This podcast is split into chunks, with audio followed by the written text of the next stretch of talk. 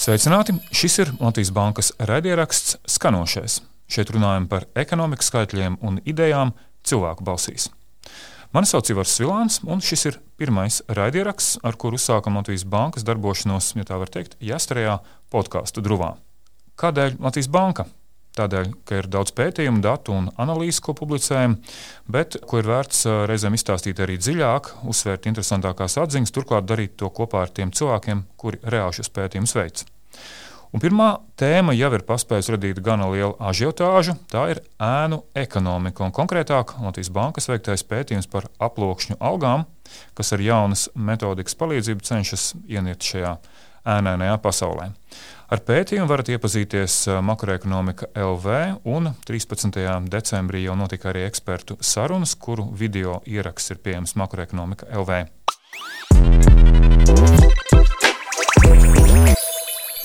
Mani sarunas biedri šajā reizē būs Latvijas Bankas pētnieks, viens no šī pētījuma autoriem, Konstantīns Beņkovskis, un Latvijas Bankas pētniecības daļas vadītājs Kārlis Vilērts. Tātad sākšu ar jautājumu Konstantīnam, kas tad ir tas jaunais metodikā un ko jaunu par ēnu ekonomiku tas rāda, ja tā var teikt, kas ir tas slavenais algoritms, kas atrod nemaksātājs? Labdien! Sāksim ar paskaidrojumu, kā īsti var atrast to, ko visi mēģina noslēpt.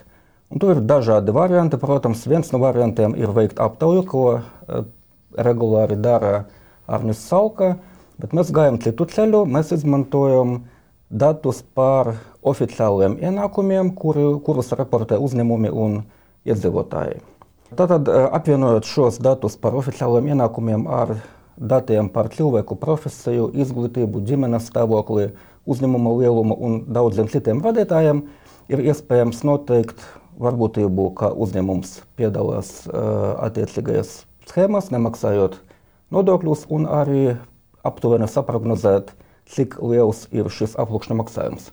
Varbūt pavisam nedaudz vienkārša valoda par to mākslīgo intelektu, kā tas aptuveni strādā. Nu, mēs visi jau zinām uh, bilžu atpazīšanu ar datoru, Kā tas strādā, piemēram, datorprogrammai parāda 100 fotogrāfijas ar kaķiem, 100 fotogrāfijas ar suņiem. Algoritms mācās, kā to atpazīt, un pēc tam jebkurš vai jebkura jauna bilde tiek klasificēta kā suns vai kā kaķis. Mēs darījām kaut ko līdzīgu, tikai mēs neradījām uzņēmuma bildes, mēs radījām algoritmam uzņēmumu finanši, finansiālos radītājus. Jautājums bija, kā atrast bildes vai finanšu rādītājus uzņēmumam, kas ir tīrs, kas maksā visus nodokļus, un kā atrast uzņēmumus, kuras nu, gandrīz noteikti nemaksā nodokļus. Un sāksim ar tiem, kuri ir tīri, kuri maksā visus nodokļus.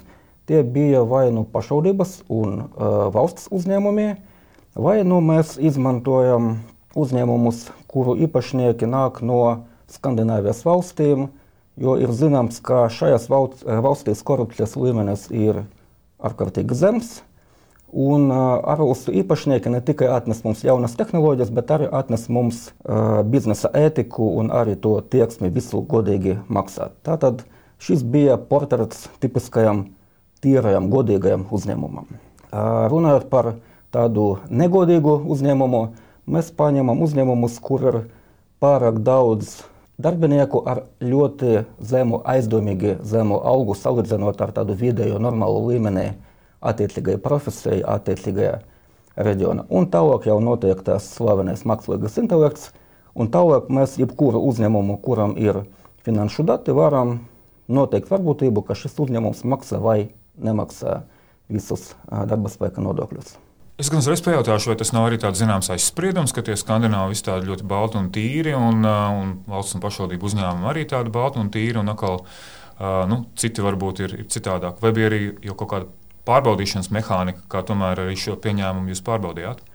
Šeit mēs balstamies uz vairākiem pētījumiem, zinātniskā literatūra, kura apstiprināja, izmantojot datus no audita, ka tiešām ārvalstu uzņēmumi daudz godīgāk maksā nodokļus, īpaši, ja īpašnieki nāk no valstīm ar zemu korupcijas līmeni. Un, protams, ka arī uzreiz par tiem nu, pētījuma svarīgākajiem nu, datiem, atziņām, kas tad arī tiem, kuri vēl varbūt nav lasījuši pašu pētījumu, arī makroekonomikā vietnē tas ir pieejams, bet kas būtu tās svarīgākās lietas, kas tad iznāca ārā? Jā, nu, pirmkārt, par to, kāpēc mēs to darījām.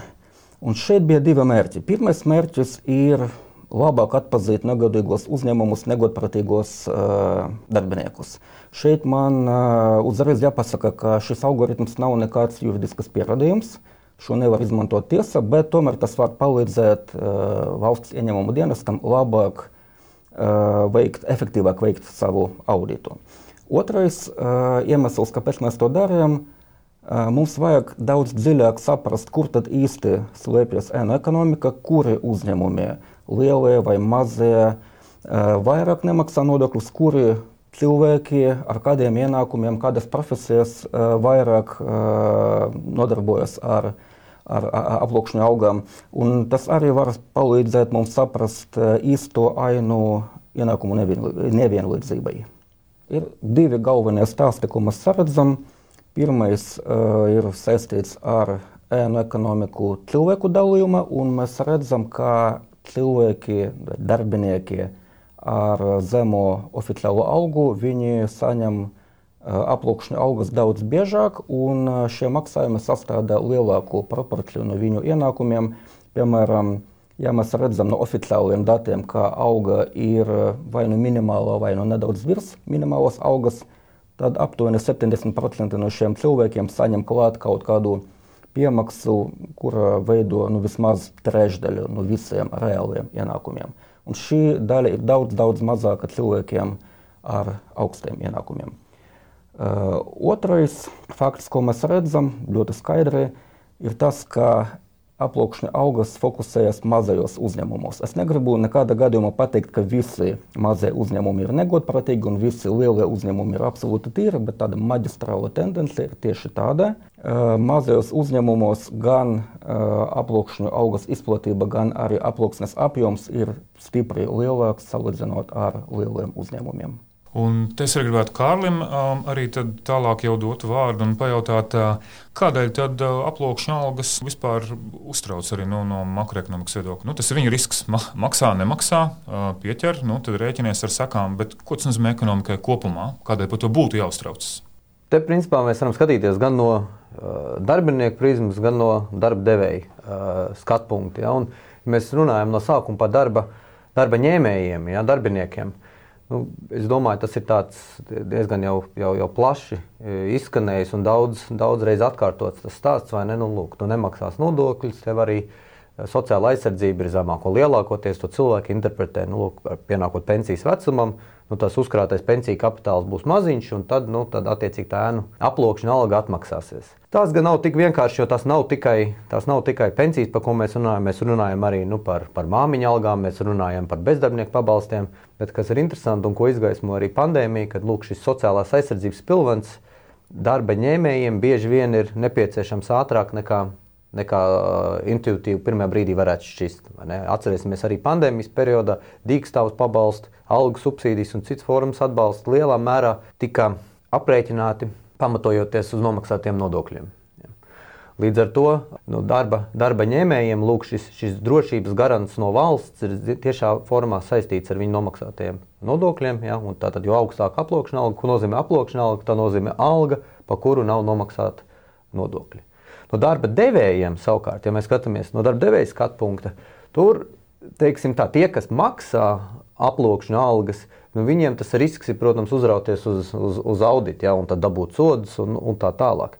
Bet uh, potenciāli daudz lielāki cietēji, cietēji ir šī uzņēmuma uh, konkurenti. Kāpēc? Nodokļi ja, ir daļa no uzņēmējdarbības izmaksām. Ja pa algām netiek maksāt nodokļi, izmaksas ir zemākas, un tiek radīta negodprātīga konkurence. Tātad mums iedomāsimies, ir viens uzņēmums, identi, divi identiski uzņēmumi. Viens pa visām algām nomaksā nodokļus, kā pienākās, otrs lūk, daļa, izmaksā, daļa alga izmaksā aploksnē. Šim negodprātīgajam uzņēmumam būs nu, vai nu lielāka peļņa, vai nu lētāks produkts, un attiecīgi arī augstāka konkurētspēja tirgu. Tur veidojas lūk, šīs, šīs makroekonomiskās sekas, kāpēc mums interesē aploksņa algas un kāpēc arī šāds pētījums tika veikts. Un par tām konsekvencēm, lai arī pētījums um, bija vairāk pirms pandēmijas datos balstīts, tad uh, ko parādīja pandēmija aploksņu algu sakarā? Vai ir kādas atziņas, ko mēs jau šobrīd varam ņemt vērā un, un redzēt? pilnvērtīgu skatu, kā pandēmija eh, ietekmēja ēnu ekonomiku un precīzāk pat vēl aploksņa algas, spriest ir pāragri. Dati vienkārši vēl nav pieejami. Tomēr tas, ko mēs redzam, ir, ka pandēmijas ekonomiskā ietekme uz dažādām sabiedrības grupām un nozarēm, profesijām stipri atšķīrās. Vissmagāk skartās nozars un profesijas bija tās, kurās ir, nu, tieši kontakts ar pakalpojumu saņēmēju, ja, skaistumkopšanas saloni, restorāni un tā tālāk. Kamēr citās pārsvarā labi apmaksātās profesiju grupās, nu, kā programmētāji, IT speciālisti un tā tālāk, pandēmijas ietekme te nav bijusi vai pat ir bijusi pozitīva. Cilvēkiem pārslēdzoties uz darbu, uz mājām, attiecīgi nepieciešami tehnoloģiskie risinājumi un tā tālāk. Ko vēl mēs redzam, ka lūk, šīs profesijas, kurās pandēmija sita vismagāk, ir salīdzinoši zemiem ienākumiem.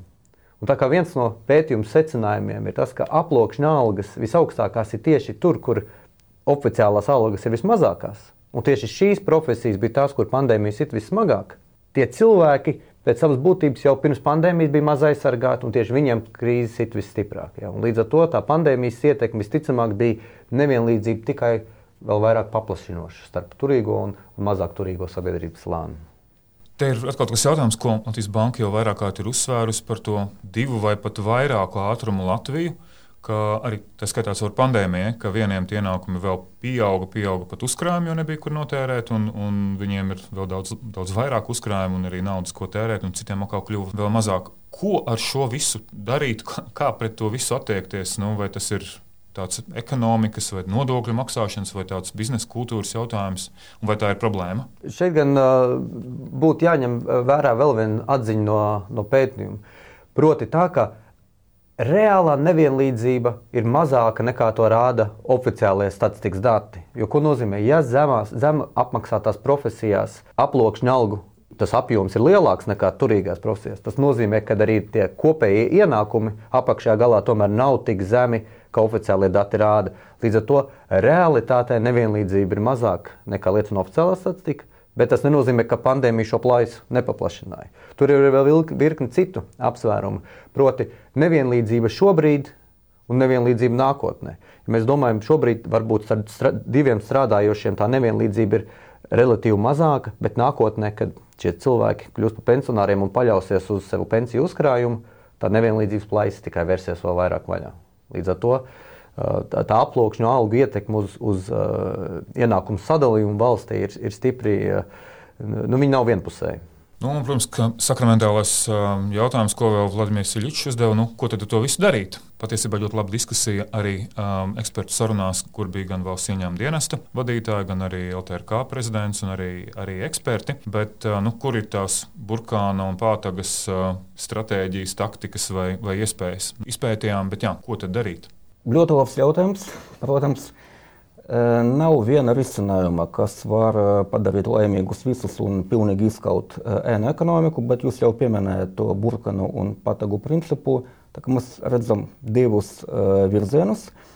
Saistīts ar burkanu, tas ir jautājums par darba spēka nodokļu daļēju samazināšanu, tāpēc, ka Latvija pašlaik ir valsts ar salīdzinoši lielu darba spēka nodokļu slogu. Tātad mēs šo slogu varētu pārvirzīt uz citiem nodokļiem, tādā veidā samazinot tieksmi, samazinot stimulu uzņēmējiem nemaksāt šos nodokļus. No otras puses ir arī, kā jūs pieminējat, patagas.